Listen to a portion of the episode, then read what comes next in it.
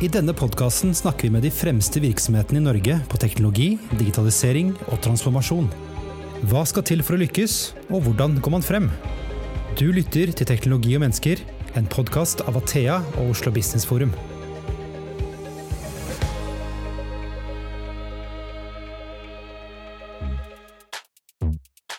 As I said at the opening of COP28, our planet is minutes to midnight for the 1.5 degree limit. And the clock keeps ticking. Da er vi tilbake med en ny episode. Mitt navn er Christian Rostad, og jeg jobber i IT-selskapet Athea. Husk å abonnere på podkasten, så får du nye episoder rett inn i din spiller. I denne episoden har vi tenkt å være litt elleville og tenke utenfor den berømte boksen. Vi har latt oss inspirere av god klimajournalistikk fra New York Times og Dagens Næringsliv. Fordi det går ikke så bra med klima. Vi har mer ekstremvær, mer issmelting, flom, hetebølger, tørke, havet stiger osv. osv. Livsgrunnlaget vil gradvis forsvinne i enkelte områder på jorda, og vi får endringer som det rett og slett vil være umulig å gjøre noe med. Alle verdens land er enige om å begrense oppvarmingen til to grader, men aller helst 1,5 grad. Men vi beveger oss i full fart mot 1,5-gradersmålet, og vi vil kanskje også rase rett forbi. Varsellampene blinker. FNs generalsekretær Antonio Guterres sier vi er milvis unna målene i Parisavtalen og minutter fra midnatt for 1,5-gradersmålet. Han er for øvrig en enorm sitatmaskin. Uh, og kunne håpe at det hadde noe innvirkning på uh, klimaarbeidet. Da. Så klokken tikker, uh, og det går altfor tregt. Og kanskje er det på tide å tenke helt nytt. Utnytte teknologien og kaste hemningene på havet. Og er det, når det er mest kritisk, at vi er mest kreative? Eller er det rett og slett umulig å stoppe utviklingen? Ukens gjester i vårt ekstraordinære klimaråd det er Lars Kullerud, og du er leder for U-Arctic. Og U-Arctic, hva er det, Lars? Det er en paraplyorganisasjon for alle universiteter i verden som bryr seg om Arktis og polare strøk og problemstillinger knytta til det. Både folk og kultur, men også klima, som vi prater i dag. Og så har vi med oss Nelly Flatland, som er bærekraftsdirektør i Athea Norge. Velkommen til deg. Du har jo vært der før. Tusen takk for det, Christian. Veldig hyggelig å få komme tilbake. Spør deg først, da, Nelly. Hvor kritisk er det? Svartmalte jo situasjonen her? Eh, ja, du tegner jo et dystert bilde, Christian. Og, men, men, det er jo dessverre ikke uten grunn. Det er jo sånn at det er det er kritisk nå. Det er jo som FNs klimapanel også sier, at, eh, at 1,5-gradersmålet det eh, ser ut til å ryke. Og vi må liksom kanskje sette ambisjonsnivået til at vi må, må, sette på to grader. At vi må prøve å begrense det til to grader. Og så er det jo sånn at Vi, liksom, vi står overfor to hovedutfordringer nå. hvor Det ene er eh, klima, som blir varmere og varmere. Og så har vi naturen, som det blir mindre og mindre av. det er mange som leste den NRK-artikkelen som het 'Norge i rødt, hvitt og grått', som snakker om hvordan vi bygger ned natur. Og Det er jo også, henger også sammen med, med klimautfordringen. Og begge disse to tendensene henger jo sammen med både eh, med økende befolkning, som både individuelt og totalt sett forbruker mer og mer og mer. Eh, sånn at eh, situasjonen er kritisk. Og det er jo ikke uten grunn at rapporter som dette da, og, forslag som det vi skal diskutere her i dag, kommer på agendaen og dukker opp. Ja, så det er, det er kritisk, altså. Mm. Støtter du det, Lars? Ja, altså det, det er jo Cicero sa vel i en eller annen artikkel nylig at 1,5-gradersmålet eh, er tapt. Hva er neste mm. utfordring? Eh, det er nok kanskje mulig å, å, holde klimaet under det nivået på lang sikt, men underveis så vil temperaturen bli varmere, samme hva vi gjør. Selv om alt blir perfekt i morgen, så, så vil ikke det hjelpe. Og da, fordi den karbonen vi har putta inn, vil føle siden virke over tid, og, og, da vil temperaturen gå høyere. Det er ting som kan gjøres, kanskje for å begrense den lille toppen av effekter som vi får. Og da er det som heter tipping points, som er litt rare vippepunkter, en, et veldig viktig begrep å forstå. Og det er slik som at ting er i en situasjon, og så Plutselig så er det ikke lenger en isbre er eller er ikke. Isen på Nordpolen er eller er ikke. Og konsekvensen av at den er ikke, da kommer den ikke så lett tilbake. Så det er ikke sånn at det er en sånn stabil ting mellom de. Nelly, du kanskje Nei, ja, eh, Veldig god beskrivelse. og Jeg har ofte hørt det forklart også som at det er små endringer da, som kan få store uante konsekvenser. Eh, at eh, det er en, en liten ting som forsvinner, eller en liten, en bred isbre kan jo være massiv, den, men altså, si at én bre forsvinner, men så får det enorme konsekvenser. Da. Og at vi noen av disse punktene vet vi jo godt hvor er, som også er årsaken til at vi ønsker å holde oss innenfor 1,5-gradersmålet, fordi det er en del vippepunkter knytta til, til, den oppvarmingen innenfor det. Men også eh, vippepunkter som vi ikke vet om, da, ikke har kjennskap til. Det, det, det, var publisert en artikkel for et år siden som lista 16 viktigste vippepunkt i verden som vi kommer til å risikere å møte. Av de 16 så er 12 knytta til kalde strøk på jorda, enten Antarktis eller Arktis eller nordområdene. Eh, nesten ingen er i den varme delen på midten, mm. der alle menneskene bor. Men konsekvensen hvis det skjer noe, f.eks. at Grønlands innlandsis smelter, eh, er like stor i Afrika som den er på Grønland. Så det er ikke et problem for grønlenderne primært, det er like mye et problem for de andre. Hvis permafrosten i nord smelter, så er klimaeffekten av det mye mye større enn om vi kvitta oss med all regnskog på jorda. Mm. Eh, sånn at eh, det å forstå at eh, vi må gjøre noe som hindrer de tingene å skjer i nord eller sør, Antarktis, selv om det egentlig er formålet er å redde oss som bor midt på, imellom, det er, det er nøkkelen. Og så er det da kan vi gjøre noe med det? Og kanskje det vi skal prate om i dag. da. Et, et eksempel på et vippepunkt, så folk forstår. Når du sier det er 16 av de. Ja, altså et ekstremt et som høyst sannsynlig ikke kommer til å skje, det er at eh, her vi bor i eh, Nord-Europa, så er vi helt avhengig av Golfstrømmen. Det betyr at det varmt vann strømmer fra Karibien opp til oss og holder temperaturen vår full av forferdelig lavtrykk og mye vær og vind, men også temperaturen er varm og god. Hvis du går på andre sida av Nord-Atlanteren, så har vi Grønland på samme breddegrad som Oslo. er jo det innlandsis. Mm.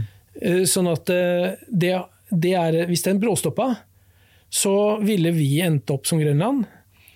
Eh, og det er et vippepunkt. Eh, nå er jo ikke den en sannsynlig vippepunktet, heldigvis. Det vil sannsynligvis bare fortsette å gå, så det er veldig bra for oss. Men eh, andre er at Grønlands innlandsis forsvinner. Vi har noen veldig dramatiske muligheter i Antarktis.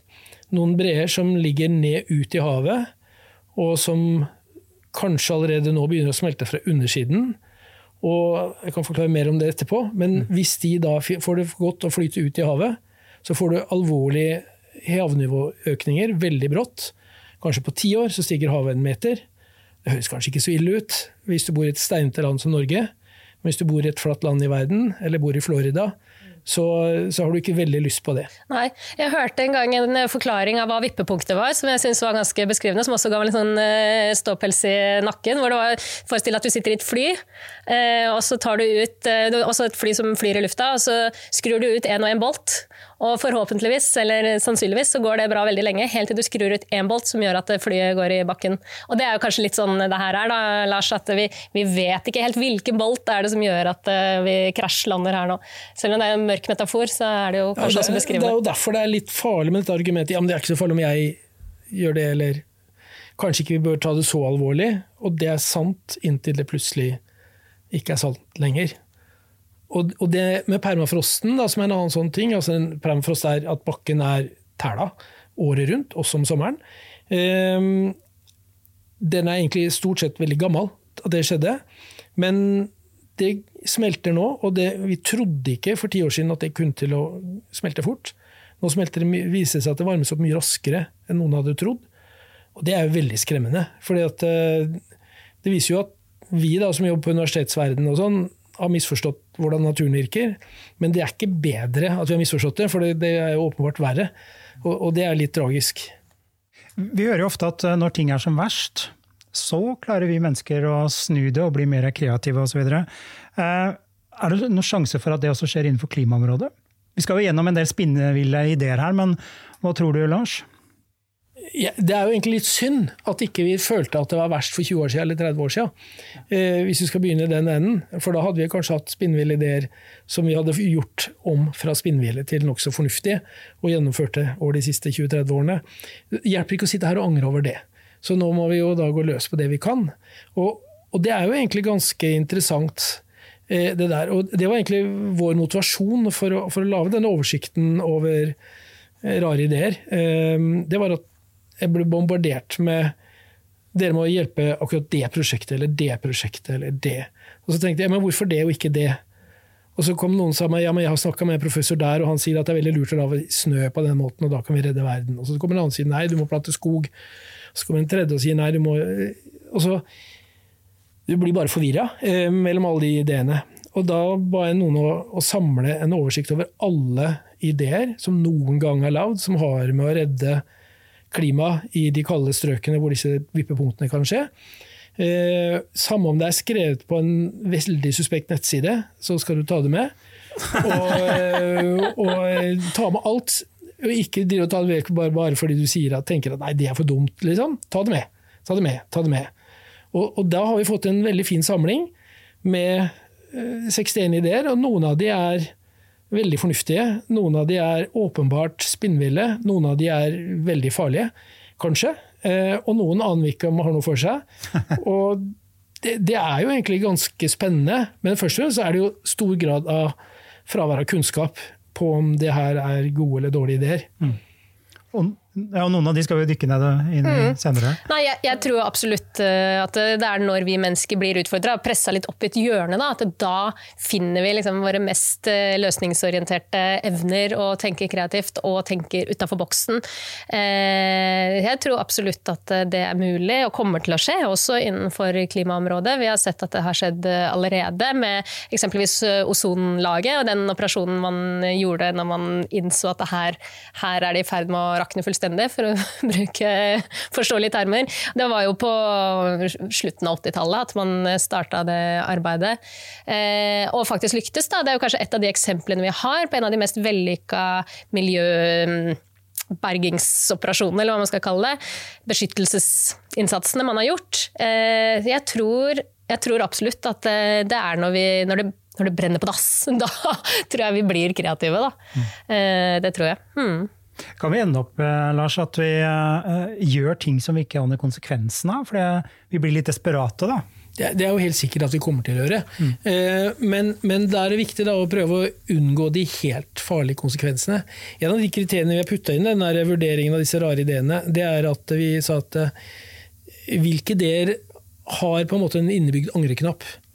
Eh, og hvilke har ikke. Så Et av kriteriene vi har målt på, er det at eh, de ideene som det er mulig å oppdage at uff, dette var ikke noe lurt, kan du da på en måte ok, rydde opp etter deg og ta bort tingene, men, men så, eh, så, kan verden gå som den var. De er jo tryggere å sette i gang med enn de ideene som når du først har satt i gang, så har du satt i gang. Og det er som et vippepunkt. Da, da er løpet kjørt, da er toget i full gang på skinnene, fins ingen bremser. Og, og, de ideene er jo mye farligere å sette i gang, men de kan også kanskje være mer effektive. De som er selvforsterkende. Men, men de er jo da skumlere fordi vi ikke øh, Det er helt gitt at vi ikke alltid aner konsekvensen av ting vi gjorde. Uh, et eksempel var et annet sånn vellykka miljøtiltak som vår kjente Gro Harlem Brundtland var en drivkraft i, det var jo å stoppe den sure nedbøren i Europa. Eh, og vi har jo satsa mengder av penger på å kalke elver og få fisken tilbake og sånt noe. Men det har jo da også da medført endring i pH-en og, og aluminiumsinnhold i elver og bekker, sånn at det forandrer forholdet for fisk. Altså det er også rare sideeffekter også av det å slutte å sende sur nedbør ut i verden. En annen morsom tiltak på klima, det som er egentlig tragisk, det er at vi har lagd reguleringer som gjør at nå ikke skip i verden seiler med fullt så heavy tungolje som drivstoff. Men det betyr altså de lager jo ikke skyer lenger. Og de skyene har faktisk bidratt til å kjøle ned jorda. Sånn at eh, En av ideene nå i forskninga akkurat det siste året har vært noen ideer om at eh, fordi vi renser utslippet fra skip i internasjonal handel, så bidrar det til oppvarming, eller rettere sagt, de skipene vi hadde før, de kjølte ned jorda. Fordi de slapp ut sovel og lagde skyer. Og det er jo et tankekors. Absolutt. Et annet eh, tankekors, eh, ref. Eh, liksom det her med å iverksette klimatiltak som potensielt kan være farlige eller mer skadelige, så er jo på den andre siden så har vi jo et valg om å la være å iverksette andre tiltak, ikke klimatiltak, men mellomtiltak i seg selv, som kan eh, skade klimaet. Som eh, flere oljelisenser, som konsekvensutredning av eh, havbunns, utvinning av havbunnsmineraler. Så er det liksom, jeg håper virkelig da, at vi før vi kommer til det stadiet at vi er så desperate at vi går inn i et klimatiltak som vi tenker sånn dette kan potensielt få enorme skader, men vi er så desperate at vi må bare prøve, så håper jeg at vi ser på hva er det vi kan la være å gjøre, som vi vet at får eh, konsekvenser for klima og miljø. Da. Siden jeg representerer liksom forskningsverden, da, så må jeg jo si det at eh, det viktigste vi i hvert fall kan gjøre, det er om alle sånne ideer de fortjener å bli undersøkt, de fortjener å bli vurdert før vi avskriver de, eventuelt velger de. Og, og det er en bra forsikringsordning. Det er å forstå rare tiltak godt nok eh, fram til den dagen vi eventuelt blir nødt til å ta det i bruk. Eh, hvis vi lar være å undersøke de nå, så sitter vi der og må bare ta det i bruk uten å ane noe den dagen vi setter i gang. Så, så, det er i hvert fall en billig forsikring. Det er å øke kunnskapen om sånne ideer. Nelly, dette, jeg vet ikke om jeg har belegg for å si det her, da, men uh, folk uh, virker ikke helt klare til å ofre noe. Er en følelse av. Liksom. De store, altså det er jo Bare vindmøllediskusjonen i Norge mm. er jo helt sjuk da, mm. i den konteksten. Uh, klarer vi et temposkifte når det er så mye motstand i befolkningen? Det er jo eh, det er vanskelig, for, vi, vi, trenger et temposkifte. Vi trenger å få opp farten. Vi må liksom få skje, vi må få flere ting til å skje, vi må få det til å skje raskere. Eh, og eh, det vi trenger er jo ikke bare jeg, har tenkt på det her, og jeg tror at noe av utfordringen er jo litt sånn hvordan vi har bygd opp de politiske systemene våre. Hvor det er en, i bunn og grunn en popularitetskonkurranse. Da. Vi stemmer på de som vil gjennomføre den politikken som vi har lyst på selv. Og ingen har jo lyst på et parti som sier sånn hvis vi kommer til makta, så skal vi sørge for at du reiser på færre sydenturer, at du kjøper deg færre sko, at du bruker mindre greier. Det er jo det er liksom et grunnleggende problem. da. Eh, at eh, for Vi trenger jo at politikken involverer seg for at det skal skje et temposkifte. sånn jeg ser det. Eh, vi trenger en økonomisk omstilling hvor vi ser på okay, hvordan kan vi bruke mekanismene i økonomien, som i dag er basert på kapitalisme og vekst. Hvordan kan vi bruke det som en motor inn i det grønne skiftet. Det tror jeg er en forutsetning for, for et temposkifte. Og så tror jeg at politikk er en, er en forutsetning for det temposkiftet.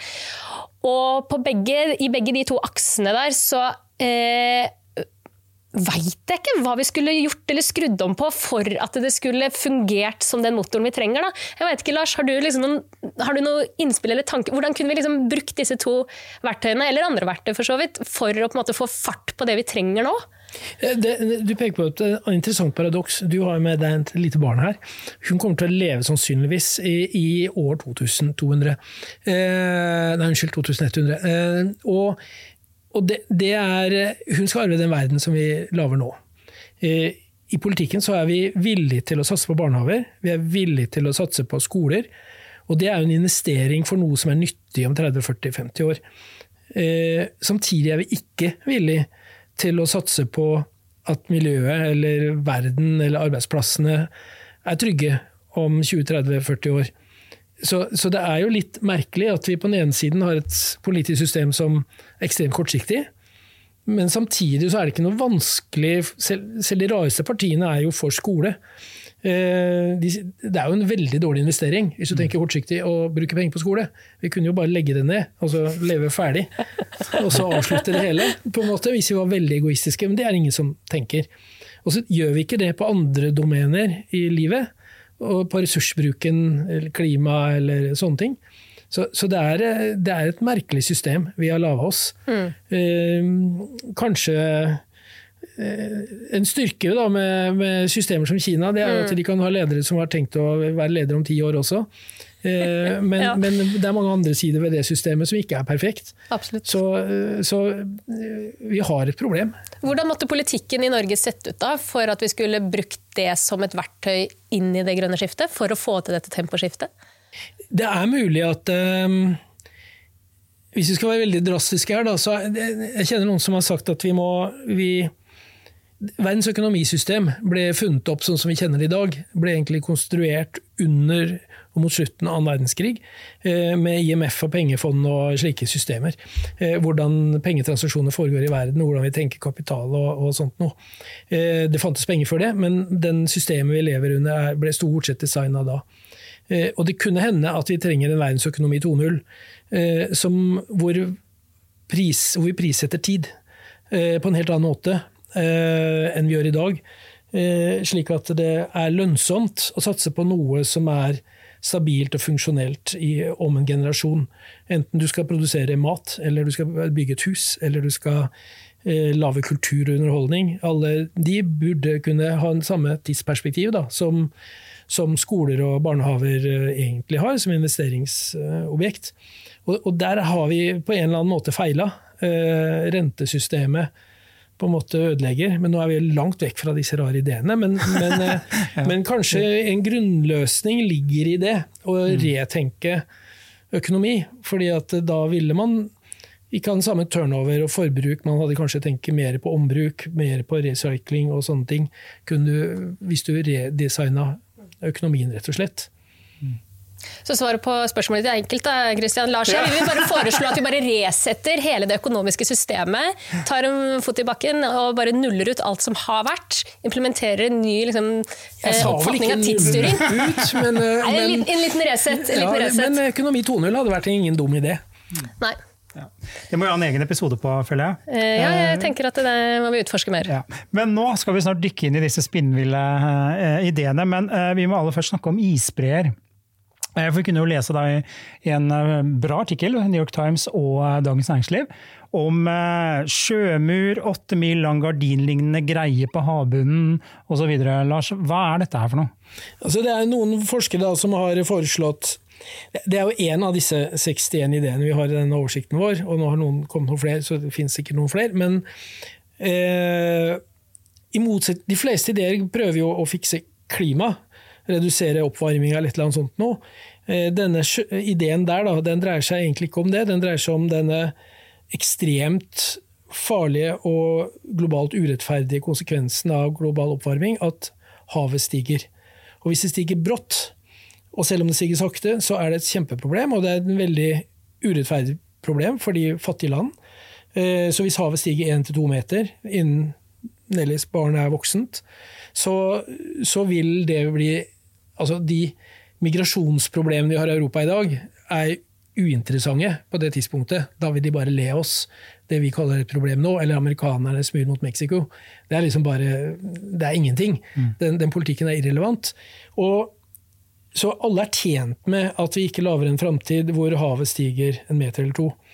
Og da har noen kommet på den ideen at istedenfor å bygge en demning rundt alle lavliggende land i verden, som er den eneste gjennomførbare løsningen på en måte, sånn som Nederland, bare ta det rundt California eller hvor som helst, og Bangladesh osv., så, videre, så kan man heller prøve å hindre at den isen faktisk flyter ut i havet og smelter. Og det skal den gardina gjøre. Mm. Og det har med at Så går det en litt komplisert historie. At uh, den smelter mer nedenfra enn oppafra. Uh, det er det varme vannet i havet som flyter inn under breen, og smelter den fra undersiden, sånn at den flyter opp og flyter ut.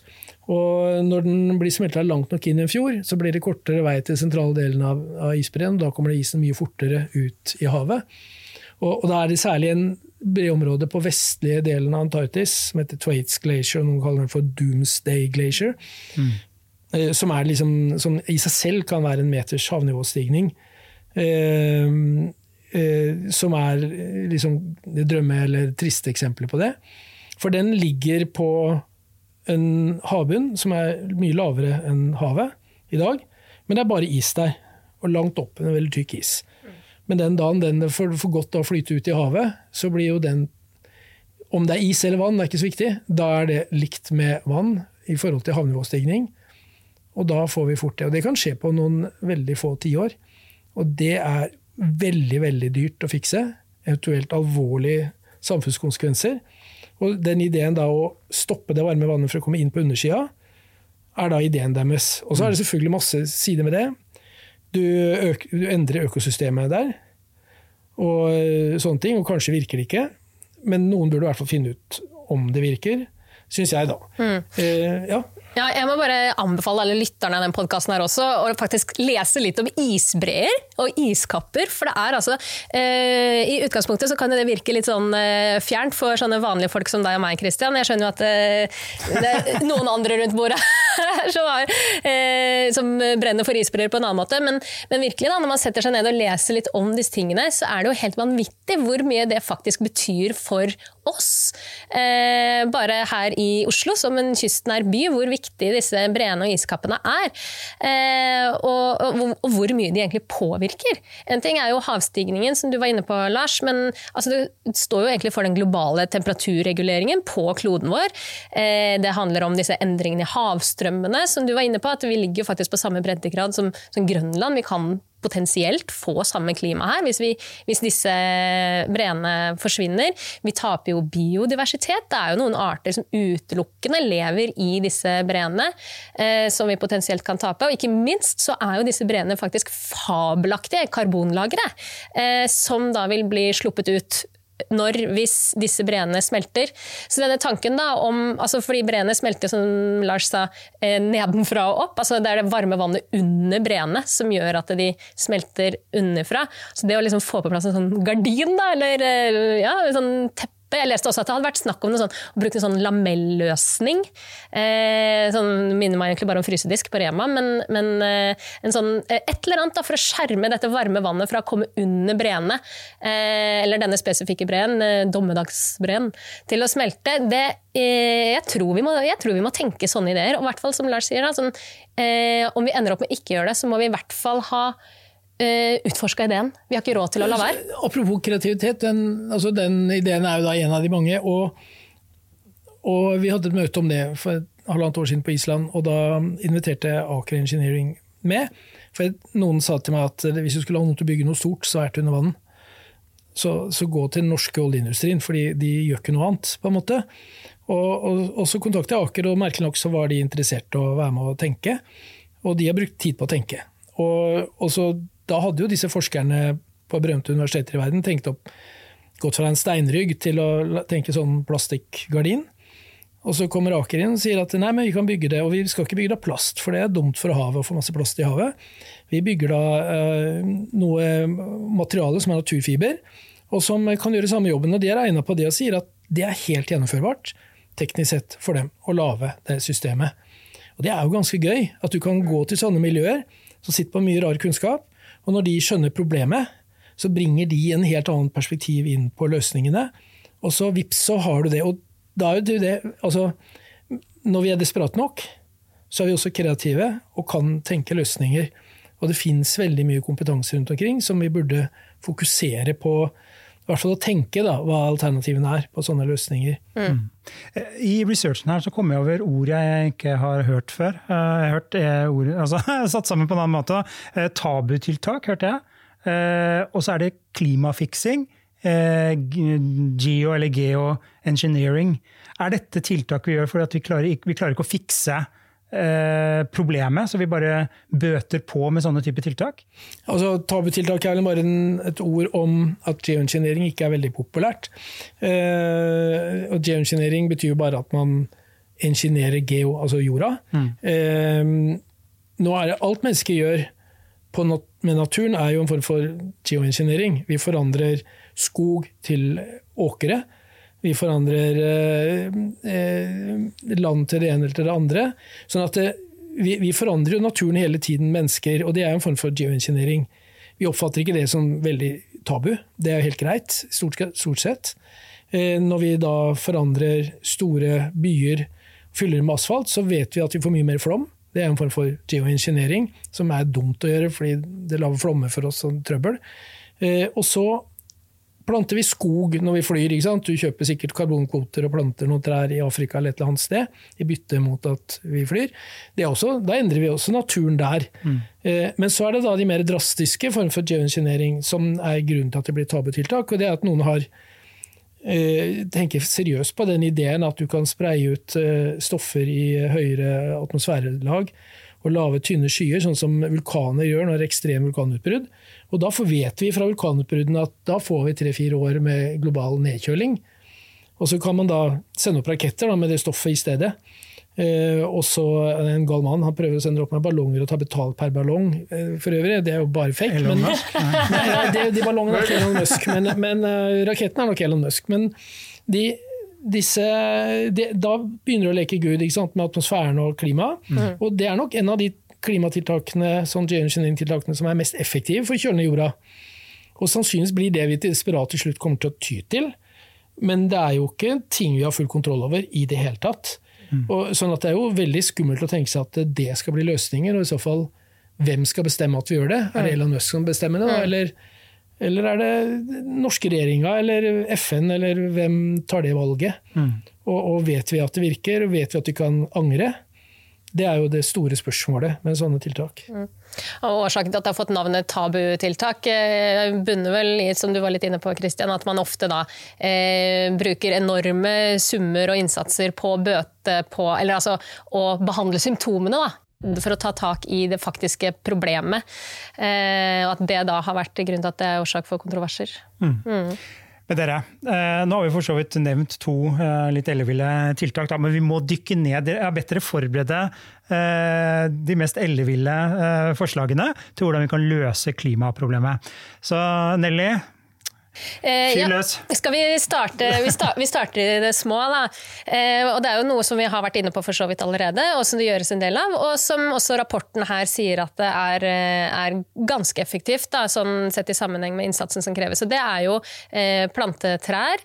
Eh, Ut ifra det jeg har lest, så er forskerne sånn mangrovetrær. Det er liksom noe av det beste av det beste som man kan plante. Det er jo disse eh, veldig stodige buskene som vokser med lange stilker ned i ofte saltvann i liksom, eh, sjø, sjøområder, gjerne liksom Øst-Afrika og rundt, eh, rundt der. Ehm, men er det løsningen, eh, Lars? Å bare pøse på med planting av eh, skog og trær og altså, vi, vi, vi, det, er, det er jo noe forferdelig godt når du går på restaurant som heter Scampi. Og, og det, den produseres i verden stort sett ved at man kutter ned mangroveskoger, og så lar man små dammer, og så lar man, vokser man disse store rekene oppi der, og så spiser vi de rundt omkring på jorda. Og, ehm, og det er sikkert bra for økonomien for de som bor der, men det ødelegger da mangroveskogen. Og den umiddelbare konsekvensen er at de er mye mer sårbare for tsunamier og bølger og sånne ting, som i seg selv er en ulempe for de lokalt, men de tjener penger. Og så brenner de den skogen, og så får de kull for det, så kan de lage mat. Og, og, men så er det det problemet at eh, den samler mye karbon. Det som er fint med den, at den vokser i disse kystnære i saltsjøene, eller salte, er er at eh, når de dør, eller plantematerialet rundt de som dør, havner nede i bakken mellom de røttene, så blir den fanga som mudder og gjørme. Og eh, forblir i geologien, og det er vi geologer veldig glad for, med, i, i millioner av år. Og dermed så er det ute av systemet. Så det er en veldig fin karbonfangst- og lagringsmetode, som er veldig naturlig. Og naturen har vært det, og vi har spist opp omtrent halvparten av verdens mangroveskoger i vår levetid. Eh, bare fordi vi er så glad i å spise sjøkrep, nei, unnskyld, scampi og, og, og de folka trenger noe å leve av. Så det er kjempeviktig. En annen er faktisk eh, salt, eh, saltmarsgress, som er grunne vannområder, hvor det finnes en sånn gressarter som ligner litt på ålegress vi har i Norge, hmm. som finnes i varmestrøk. Som igjen er en annen sånn karbonfangstmetode i grunne vannsystemer i, i, i varmestrøk. Så det er fint. Og her i nord, som vi bor, så er det jo eh, våre tareskoger, som er en mm. potensielt veldig stor karbonfangst-lagringssystem. Og noen har til og med, Et av de ville forslagene er faktisk å, å få til mer av det. Og den snille varianten er jo å få tareskogen tilbake i Oslofjorden, sånn at vi får torsken tilbake i Oslofjorden. Ingen vil synes det er veldig galt. Men det er noen som prøver å lage et kommersielt tiltak på å slippe ut noen sånne eh, sagflisballer i eh, Nord-Atlanteren, som det da skal vokse tare på. Og når en taren dør, så synker den ned til 3000 meters dyp og blir da karbon ut av systemet. Og Det får de ikke lov til, for det blir oppfattet som forurensning. Mens nå gjør du det akkurat det samme i Oslofjorden, så er det noe som myndighetene syns er et godt miljøtiltak. Og, og der, er- Det viser jo også på en måte at reguleringssystemene våre og våre mentale modeller rundt egentlig gjør det samme to forskjellige steder, er helt forskjellig. Eh, Så det er jo interessant, og det er også et av de rare ideene. Ja, det er mange, mange kule ideer på den eh, lista der. Man kan bli eh, både opprørt og fascinert når han går gjennom.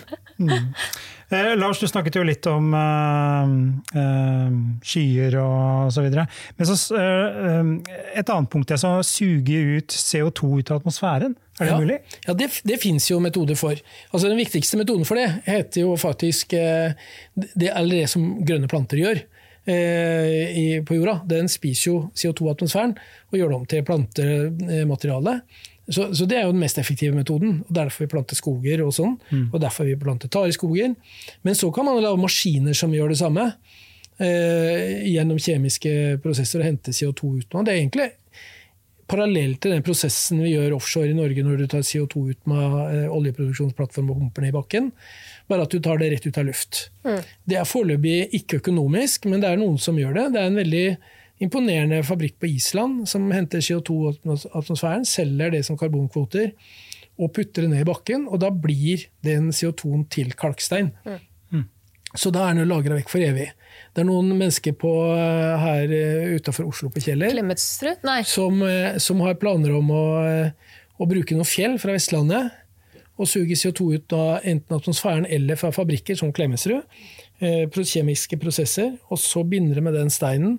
Da får du som effekt eh, bieprodukt, aluminium, og du får sement eh, ut av CO2.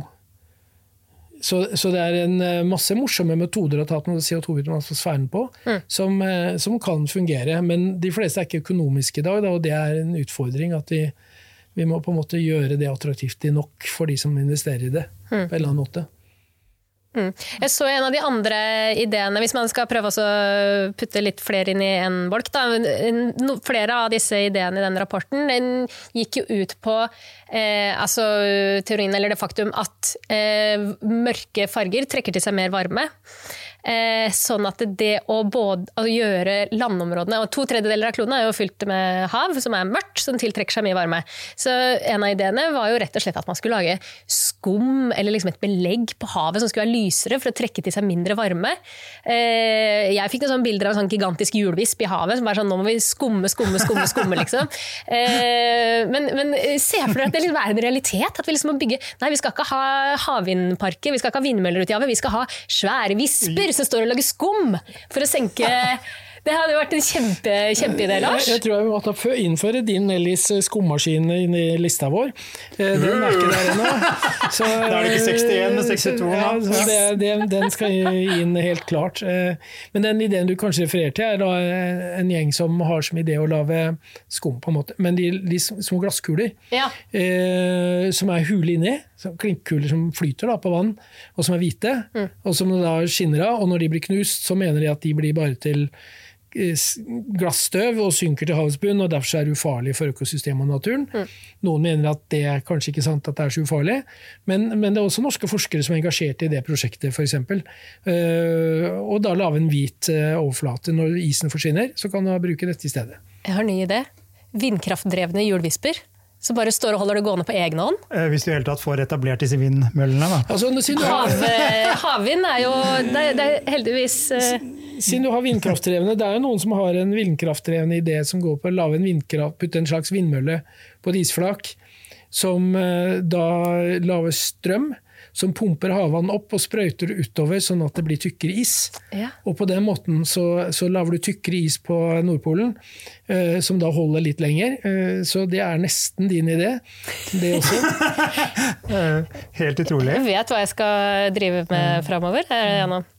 Men Lars, eh, nå er det jo kastet på bordet en tre-fire-fem eh, ulike ideer. Eh, hva, I den oversikten dere har laget, hva er det mest rare, gærne forslaget som ligger i lista? Ja, det, I hvert fall det mest dysfunksjonelle ideen som jeg har funnet, det er den ideen å lage en bitte liten ubåt som surrer rundt på Nordpolen, og så fryser vann til små isterninger som den fiser ut bak. Uh, for, for da, da, da, da lager den en ny is. Så utgangspunktet høres jo veldig fantastisk ut, men hvis du da går tilbake til liksom basalkunnskapen din fra, fra skolen, så, så, er det jo sånn at um, eh, for å lage en isterning, så må du kjøle ned vann. Mm. Og Det betyr at du tar ut varme, og den varme må jo bli av et sted. Mm. Og den vil jo den ubåten da putte inn i vannet ved siden av den ubåten som igjen da vil varme opp det vannet som tiner den isterningen, så du er akkurat like langt. Mm. Minus, egentlig. Så, så, den vil jo ikke fungere. Det, så det er en av sånn eh, en, en, veldig rar idé. Um, Tanke på gode menn. Ja. ja. Er det menn som har kommet på det? Er det, det, ja, det er helt sikkert en mann som har tenkt ut. ja, så bra. Yes. Uh, Nelly, hva har du for Nei, lista Jeg prøvde å tenke litt sånn utover eh, liksom, ingeniørboksen da, når jeg skulle komme på liksom, spinnville forslag. Og så er det jo litt skummelt å bevege seg ned i det farvannet, her, fordi det er jo veldig sånn dystopisk og mørkt. Og vi har jo sett noen eksempler, i hvert fall på film, at det her ikke er gode ideer overhodet. Men så er det samtidig sånn at vi vet jo at en stor eh, årsak til til klimaproblemet er befolkningsvekst.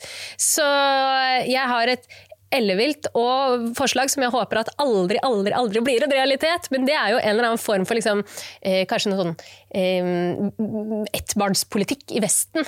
Vi vet jo at det er jo ikke befolkningsveksten i det globale sør som er eh, hovedårsaken til klimaproblemene.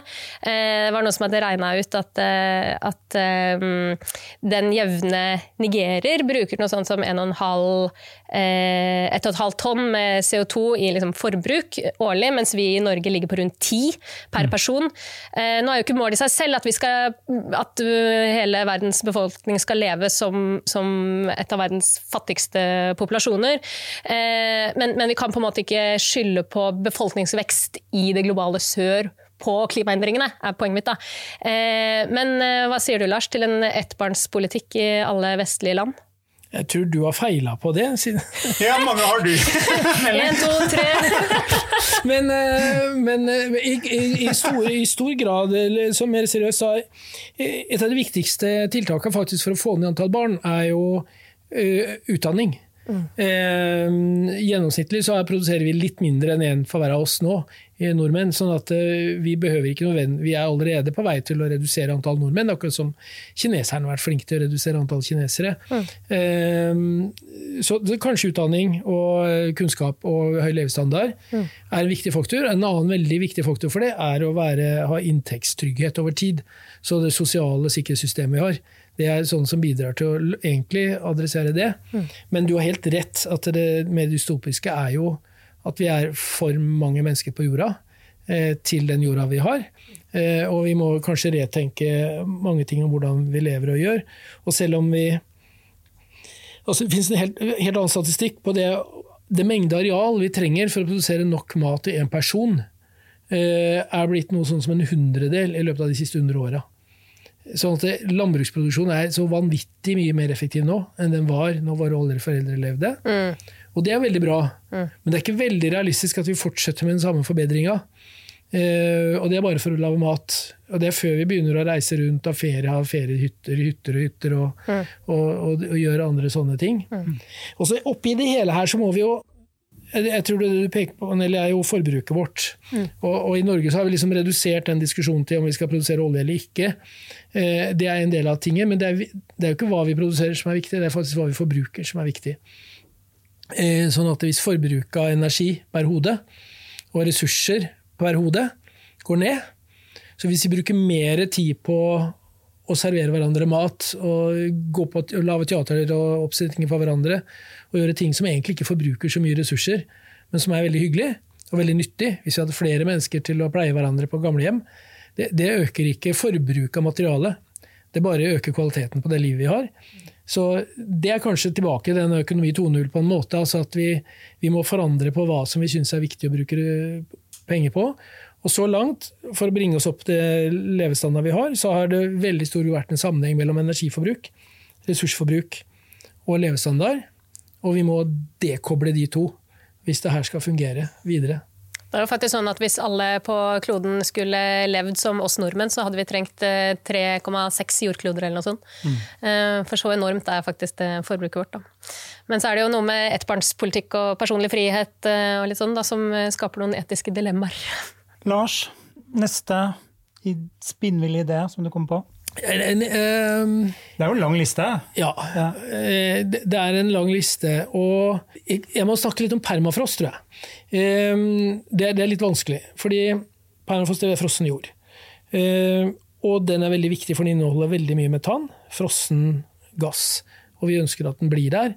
Og, og, det er egentlig veldig parallelt, som de fleste nordmenn har fått med seg, det er myrer hos oss. At det er viktig å ta vare på de, og ikke tørke de opp. Mm. Eh, men her er det isen som tar vare på, på, tingene. Og hvis du skal vare på permafrost, så må det først og fremst være kaldt, det skjønner alle. Men det viktigste mekanismen i det, det er at det snør lite om vinteren. sånn at den blir kjølt ned godt. Og så at det er tørt om sommeren, for regn om sommeren bidrar til å smelte. Det er ikke farlig i indre Sibir at det er pluss 40 om sommeren hvis det er tørt. For da får du et tørt lag på overflaten som isolerer permafrosten under. Mm. Og i sentrale delen i Sibir så er det 700-800 meter tykk i permafrost. Og mens hvis det begynner å regne eh, om sommeren, så er det varme vannet siger, eller vannet siver lenger ned og flytter energien sånn at nedover vil smelte mer. Og Det er veldig drastisk. Og så har vi da det samme. Hvis det snør mer om vinteren, så isolerer snøen når det er minus 40. Hvis vi klarer ikke å ha snø på vinteren, så kjøles det ned bedre. Så hvis vi kunne finne metoder for det, og da kommer den ideen som noen ville mennesker har, som egentlig er ganske morsomme i Sibir. Altså, de drømmer jo da om å få mammuten tilbake. Men det er strengt tatt ikke nødvendig. Men poenget deres er at eh, dyr som spiser opp busker og trær, og holder de vekk og roter rundt på overflaten på permafrosten, gjør at buskene er borte. Da blåser snøen av. Og da betyr det at det er lettere å fryse bakken om vinteren. Og du får mer løs mose, som igjen isolerer brevet om sommeren. Det verste som skjer, er at det vokser opp busker og trær. Så de bør bort på et eller annet vis, og det får du da til ved å ha bison eller, eh, eller, andre dyr som går og beiter. I Norge så burde vi hatt kanskje mye mer overbeiting av rein, for å si noe som er politisk helt ukorrekt å si. Altså at de fikk de til å ta bort alle buskene på Finnmarksvidda for å holde permafrosten i live. Mm. Eh, den type tenkning, som er ganske drastisk kanskje, men også litt artig, eh, det, det kan være interessant å, å, vurdere om man kunne få gjort det for å ta bare på permafrosten, for det er et mange ganger Amazonas-problem. Og, og, vi vet ikke, det er ingen av de ideene i vår bok som, eh, som bortsett fra den der med mammuten, som, som er gode på å foreslå løsninger for å redde permafrosten. Skal man genmodifisere elefanter, da, som man på en måte importerer i liksom kjølig habitat for at de skal tilpasse seg over generasjoner av tid? Det er helt seriøst, det, det, det driver de med. Ja. Og, og, Det er gjort mange forsøk, de har ikke klart det ennå, men altså de, det er mammofant da, som vi snakker om. Og, og da er Ideen er å bruke DNA fra eh, mammuter, som man har redda, og så putte det inn i egget til en, en nåværende elefant. Og så blir barnet et av, avkom som er en blanding. Eh, det er liksom ideen. De har jo ikke klart det, men de har vært gjort mange forsøk på det. Kanskje jeg skal tipse dem å prøve å hacke kameler? De klarer seg jo i en form for ørken, bare at den ikke er frossen. Ja, og det fins kamelarter, dromedararter som lever i kalde strøk. Permakameler? Ja. ja. Permakameler er sikkert morsomt. Ja, det så, så, det er én type tanke. En annen, en annen eh, litt mer kompleks idé som er litt viktig, det er en ting er å putte skyer, altså Når sola skinner, så skjønner vi at det er kanskje en idé å putte skyer høyt oppe, selv om jeg syns det er en veldig skremmende idé. Så, så, er det en mulig tanke. Men i Arktis, når vi har den arktiske vinteren, hvor det er helt mørkt, da virker skyene motsatt. på en måte. Da virker de som et teppe som du trekker over og holder det lunere. Mm. Men vi ønsker jo at det skal være veldig kaldt i nord på vinteren. Så en annen idé er noen har foreslått, det er å bruke sånn som man snakker om for å unngå at det blir regn når det er OL og sånn, at man flyr opp med fly som får skyene til å bli borte. Så drive om vinteren i Arktis og ta bort skyene, sånn at det blir kaldere i Arktis om vinteren. Med fly og sette sånn støv ut som kan få den, eh, de skyene til å bli borte. Det er eh, en annen sånn eh, vill idé, som, som, er veldig fascinerende å tenke på. Selv om den er på en måte skremmende og spinnvill, så er den, er den også ganske fascinerende. Eh, så, så, er det klart mer sånn eh, Dere har kanskje sett, hvis du søker opp, så finner du bilder fra eh, steder i, i Alpene hvor noen har da lagd enorme, svære dyner som de ruller utover isbreet for å få de til ikke smelte. Men det er jo litt sånn litt håpløst, mener jeg. altså Vanvittig materialbruk mm. for å redde det. Så det er noen ideer. Ja, er... Jeg har mange flere. Ja, ja, ja. Tenkte, vi nærmer oss litt slutten også, men uh, Nelly, din siste idé på bordet? Min siste, aller mørkeste dystopiske idé. Jeg har um, gått og tenkt på liksom, hva kan få oss til å, å bruke mindre og, og, um, og, bli litt mer bevisste da, på, på overforbruket vårt spesielt. Og da så jeg for meg at man kanskje kunne innføre et eller annet slags globalt CO2-kvotesystem, hvor alle personer, inkludert eh, oss tre her i rommet, har en klimakvote som du får bruke. Og det må jo være en slags rettferdig fordelingsnøkkel der, da, sånn at vi som er avhengig av litt varmere hus enn man er eh, sør for Sahara, på en måte får litt på kvota vår for det, men så eh, trekkes det kanskje fra fordi vi har tilgang på elektrisk eh, forflytning eller eh, transport, f.eks. At vi, vi, må finne en eller annen rettferdig fordelingsnøkkel på liksom hvor store disse kvotene skal være rundt på hele kloden. Uh, og så er det sånn at hvis jeg har brukt opp kvota mi, så er jeg, da er jeg mm, konkurs. Eh, klimakonkurs.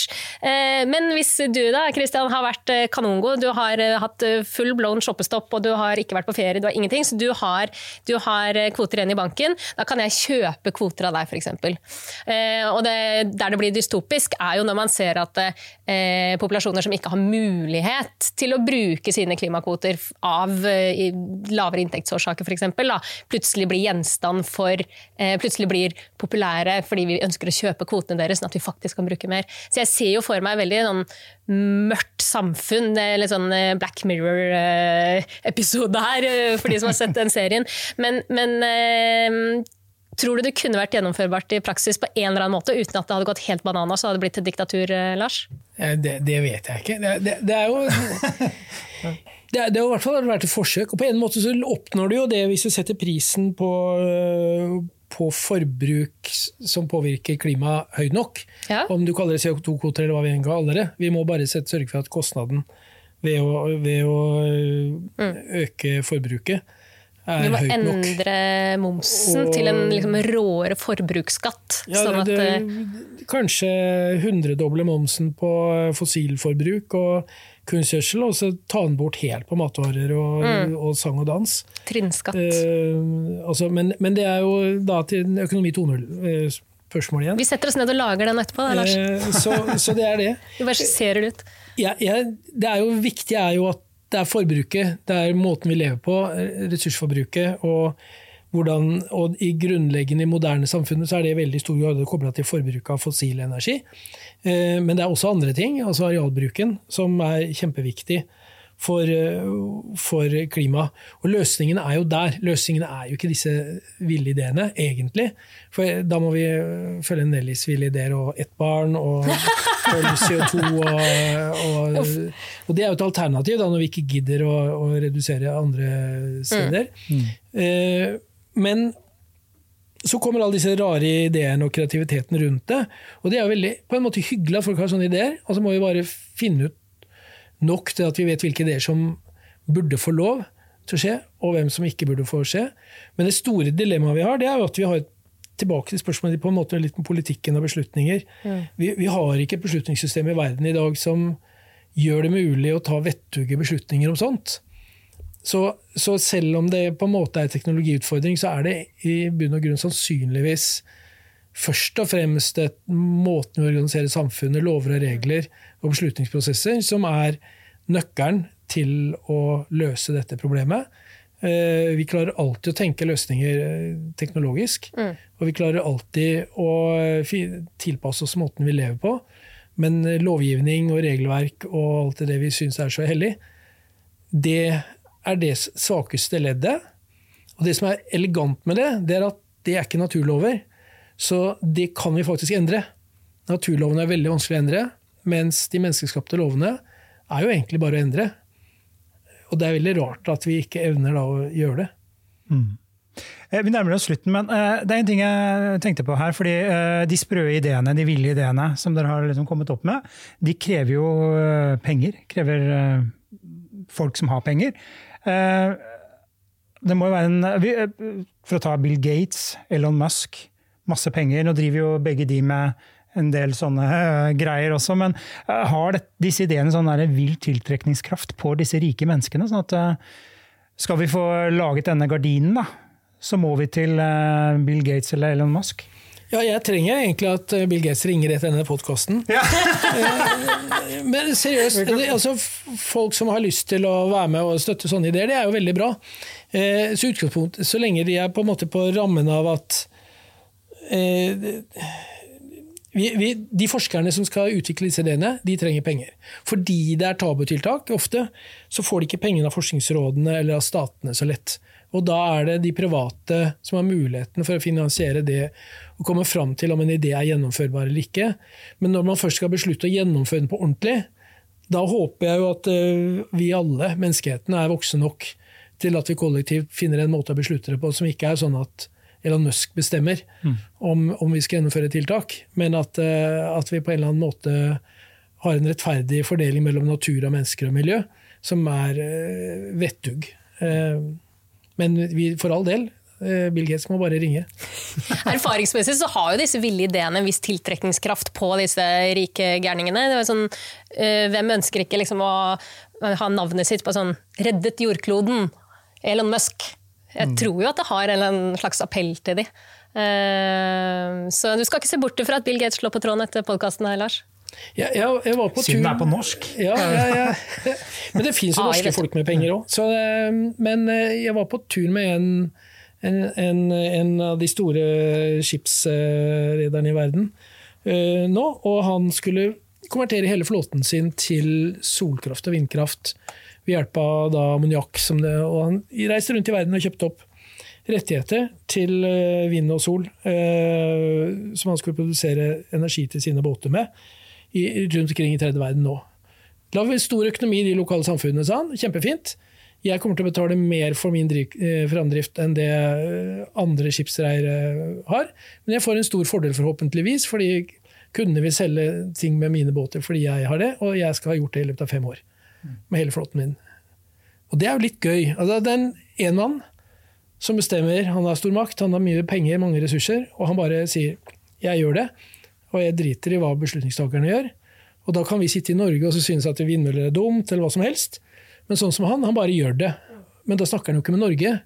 For han er jo ikke interessert i å komme hit, for dette, vi gidder jo ikke å lage den energien han trenger. Er det en som har flytta ut? Nei, han er ikke nei. norsk. Okay. Han er ikke norsk det minner meg om eh, Kjell Aukrust sin eh, karakter eh, Solan Gundersen, som sier at det er vanskelig bare en bagatell, og det er umulig en utfordring. Mm, der har vi det. Vi må gå inn for landing, men Nelly, er det håp? Det er absolutt håp. Jeg sier som Solan, jeg. Det er vanskeligere en bagatell, og det er mulig en utfordring. Mm. Ja, det, det, jo, det, fine er jo at naturen klarer seg. Det har den gjort gjennom store sånn utrydninger før. Det moderne samfunnet vi har, det er jeg ikke så sikker på om klarer seg. Det er veldig opp til oss nå, vår generasjon nå i de neste få årene, å, å ta det valget. Eh, men det finnes jo mennesker på jorda om 10 000 år òg.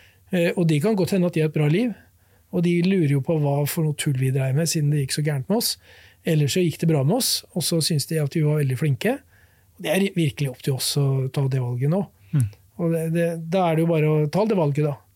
Og så la oss satse på først og fremst å leve fornuftig på ressursforbruken. Og det andre er å ikke sette i gang ville ideer som er farlige for framtida, men kanskje finne noen gode ideer som eh, kan hjelpe oss over denne kneika. Og da blir det bare en utfordring. Mm. Nydelig. Eh, vi legger også ut lenker til eh, de artiklene vi har snakket om, og til den rapporten. Så Lars og Nelly, tusen takk for at dere ville være med, og jeg har, jeg har kost meg. Det er noe å tenke på her. Og tusen takk til deg som har lyttet på.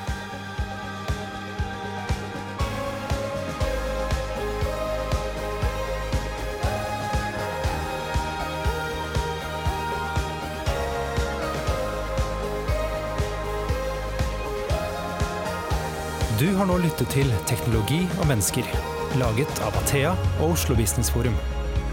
Liker du podkasten, setter vi stor pris på om det gir oss noen stjerner. Og tips gjerne en venn om podkasten.